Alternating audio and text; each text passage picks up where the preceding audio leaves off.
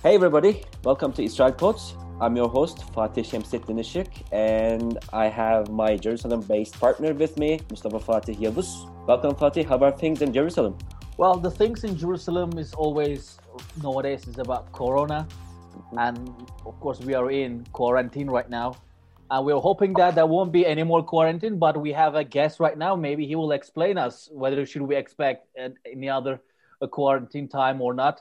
Uh, sir, welcome to our program. We have Mr. Abou Shahadeh from Balad Party. Good evening, Fatih and Fatih. How are you? It's really a pleasure to have you in our program, Mr. Abou Shahadeh. Thank you for accepting our invitation. Thank you. And I should start the questions. Everybody is wondering about what happened in last week, the collapse of the uh, of the joint list. Let me ask actually this question first. Why did the joint Arab list collapse despite like having such a great achievement in the last elections is there any strategy to compensate this collapse in the upcoming elections? What do you want to say about this?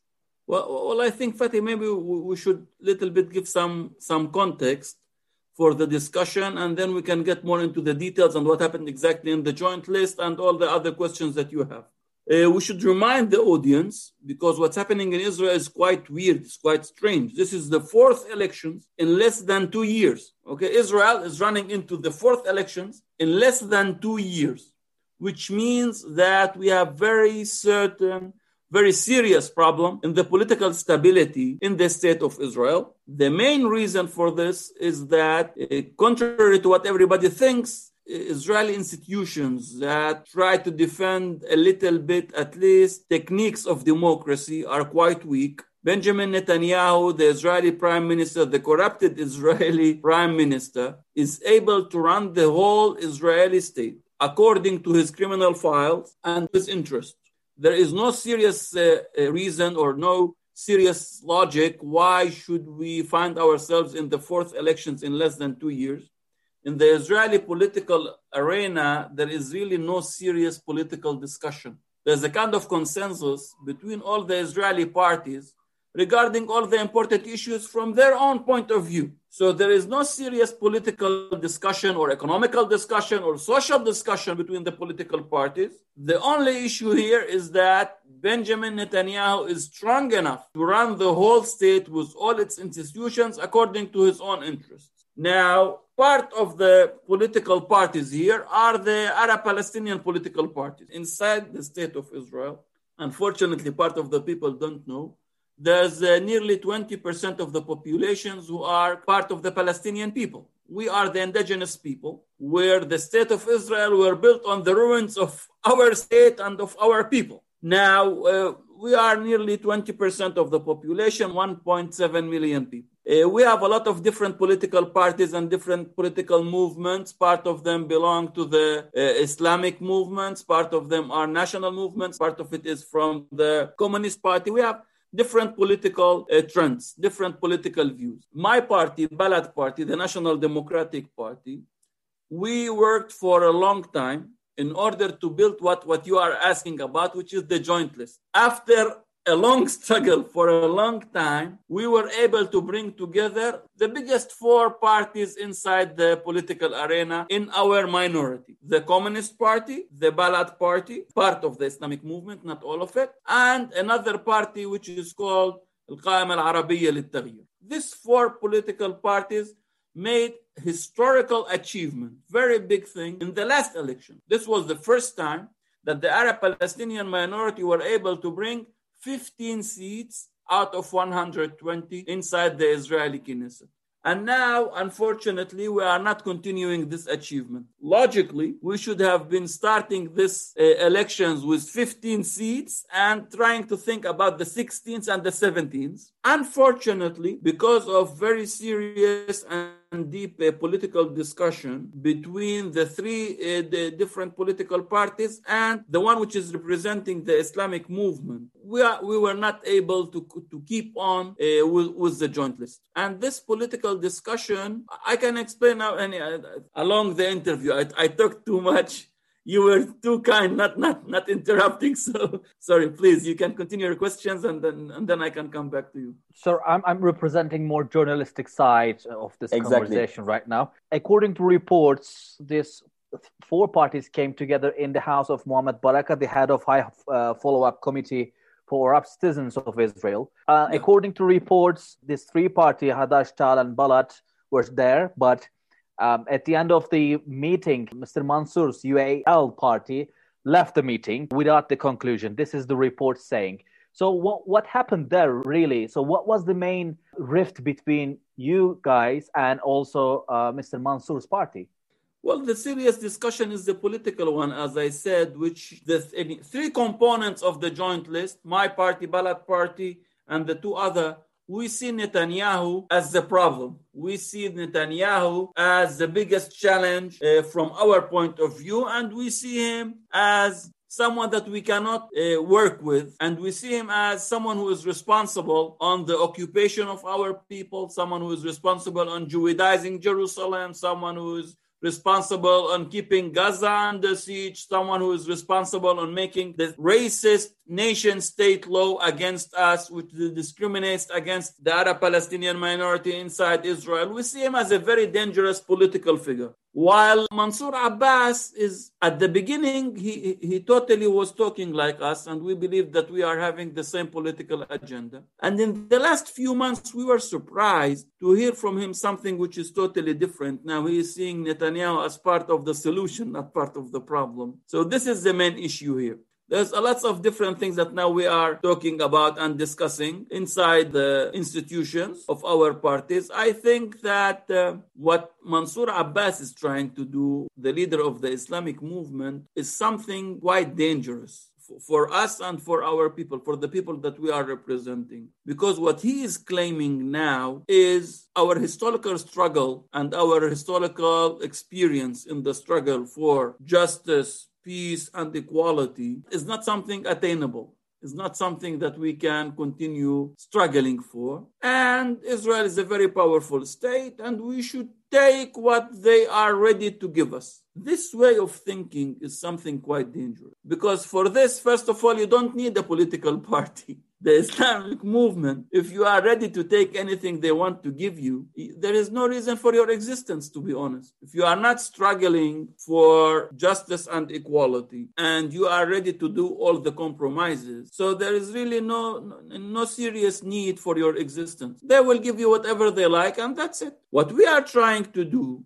First of all, the way we read different agendas of the Israeli Zionist parties, we see that there's a consensus against us. There's a consensus against our people. And we are fighting this consensus. We believe that the raison d'être of all these parties is that we are struggling against the Zionist movement and the Zionist project in our homeland. This is why we exist. This is why. And the Arab Palestinian minority, we are suffering from all kinds of racism and discrimination that you can think of. In anything that you check inside the Israeli state, when you are comparing between the Palestinian minority and the Jewish majority in Israel, you see discrimination and racism in everything that you, that you check. Uh, for example, uh, Fatih, you, you are living in Jerusalem. No one needs to tell you anything. Just by riding your car from the Arab areas to the Jewish areas, you can see discrimination and racism in all fields of life in education, in the infrastructure, in the cultural events, everything. Yani, same in all things that you check anywhere. Yani anyone coming from Turkey, for example, uh, as a tourist to Israel, just by riding his car without any tour guide, without anything, just by riding his car from one place to the other, he will see the discrimination and racism that we are suffering in all fields of life. What we are trying to do as political parties, we are fighting against this racism. We are fighting against this discrimination and we are trying to achieve equality for our people. Now, without struggle, we don't think that we can do it. All other similar projects, like the Zionist colonial project in Palestine, people, in order to take their rights, needed to go and lead a serious struggle against this settler colonial project. Otherwise, it cannot work, sir. Never happened in history. If we are learning from the historical experience. It never happened that the colonizer wakes up one morning, comes to the colonized and tells them, Oh, guys, sorry, I have been destroying your lives for decades. Now I want to give you rights. This never happened. In order to take your rights, you should struggle. Maybe I should ask, I have still like some journalistic instincts to ask this question. So I saw a recent report in Jerusalem Post that the party you're leading now, Balad, might yeah. prefer to run the elections separating its ways from the joint list. Like, will you still go ahead with the joint list? Like, what do you want to say about this claim? Strategically, sir, we want to keep the joint list. We think that the joint list is a strategic goal, and this is how we deal with it. So we are going to do our best to keep the joint list. If uh, Mansour Abbas and part of the Islamic movement are not accepting our political agenda or they have different way to work with or think about it it's it is their right uh, we, we cannot hold them forcefully into the joint list i think they have chosen a different way i think the three other components of the joint list are going to continue their way together i'm seeing the islamic uh, Okay, it's, it's important also to say to the Turkish audience that uh, the Islamic movement inside uh, Israel, inside the Palestinian minority, was divided into two big movements. One under the leadership of Sheikh Raed Salah. This part does not agree to, to go for the elections inside the Israeli Knesset. They are against voting for the Israeli Knesset. And there is the one which is under the leadership uh, of Mansour Abbas now, which wants to vote for the Knesset, and now they are changing their political agenda into a new program that really nobody is knowing exactly where are they leading to. We are seeing their way as something dangerous for the Arab Palestinian minority, but it's their right. Yani they can they can do their efforts, they can do whatever they like.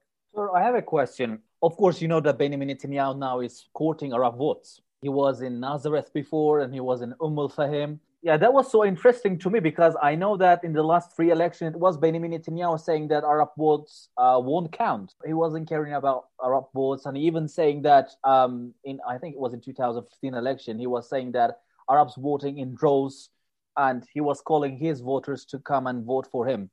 So it's, it's so interesting to see because it's so unlikely. Do you think that Arabs will vote for Benjamin Netanyahu? Palestinians living in Israel will vote for Benjamin Netanyahu? Because last week we talked with uh, one of the Israeli experts, Arik Rudnitzky from Tel Aviv University, and he told us that it is likely that this time Benjamin Netanyahu can take two or three seats from Palestinian sector of Israel. Do you think that Arabs will vote for Benjamin Netanyahu? Okay, Fatih. Now you are recording me. You can check it after the elections. There is no chance that Benjamin Netanyahu will take three seats from an Arab Palestinian voters from within Israel. We know Benjamin Netanyahu. Our audience knows who is Benjamin Netanyahu. They know that he is a racist man. We have very hard experience under his leadership. People knows exactly. People are quite politically aware and quite socially aware they know all the incitements and all the racist speeches that Netanyahu were giving against us and against the Palestinian people in general and against uh, the Palestinian minority, the citizens of Israel. And I think the more he is going to work inside Arab Palestinian society, the less votes he is going to get because this will make the people more angry because what he is trying to do gives the people very hard feelings that the man is not just racist. He also thinks that we are stupid that benjamin netanyahu is not racist and responsible on all the things that we are suffering from. But he also believes that we are stupid enough also to vote for the prime minister who is destroying our houses who is putting our people under occupation who is putting Gaza under siege, who is trying to Judaize Jerusalem and Masjid al-Aqsa. The Palestinian minority are suffering from all kinds of discrimination and racism. And then he also comes to ask for our votes. I don't think that historically, by the way, eh, there were a few thousand that were voting for the Likud party. I think he's going to get this few thousands. I'm sure it's going to be less than one seat, surely not three seats. surely. It's also uh, important that the people would should know because Israel is something quite different than most of the states that they know about. The state of Israel was built in a very racist way, which puts something like there is 90% of the population inside the state of Israel are living Arabs alone and Jews alone. There are only, you know, big cities which are 100% Jewish and there are big cities which are 100% Arab. The basic uh, process of immigration to the cities that they are seeing now in Istanbul or in Ankara or in any other Turkish city, in Israel it doesn't happen, or it happens according to race. Same with the political parties. Nearly all the political parties don't have Arab representatives, and those who do have Arab representatives have one or two Arab names that does not have any social, economical, or political background, and they don't have audience. The politics in Israel is also run according to the racist way that the state was built on from the beginning. So it's uh, it's weird that you have a prime minister who is so strong like Benjamin Netanyahu, but on the same time, he can't have one seat of, out of the 120 from 20% of the population because people knows him. People knows Netanyahu. They know his history. They know his incitement. They know his racist policies, and they were suffering from all this for a long time. So I have a quick question regarding Benjamin Netanyahu and his right-wing opponents right now, yeah. Gideon Sa'ar. So you have a bad experience, so to say, regarding recommending Benny Gantz, and mm-hmm. I think it turned out very worse. I don't think that this time, this is how I interpret the situation from journalistic side. I don't think that joint list this time will recommend somebody. But is there a chance that you will recommend Gideon Sa'ar just to topple Benjamin Netanyahu?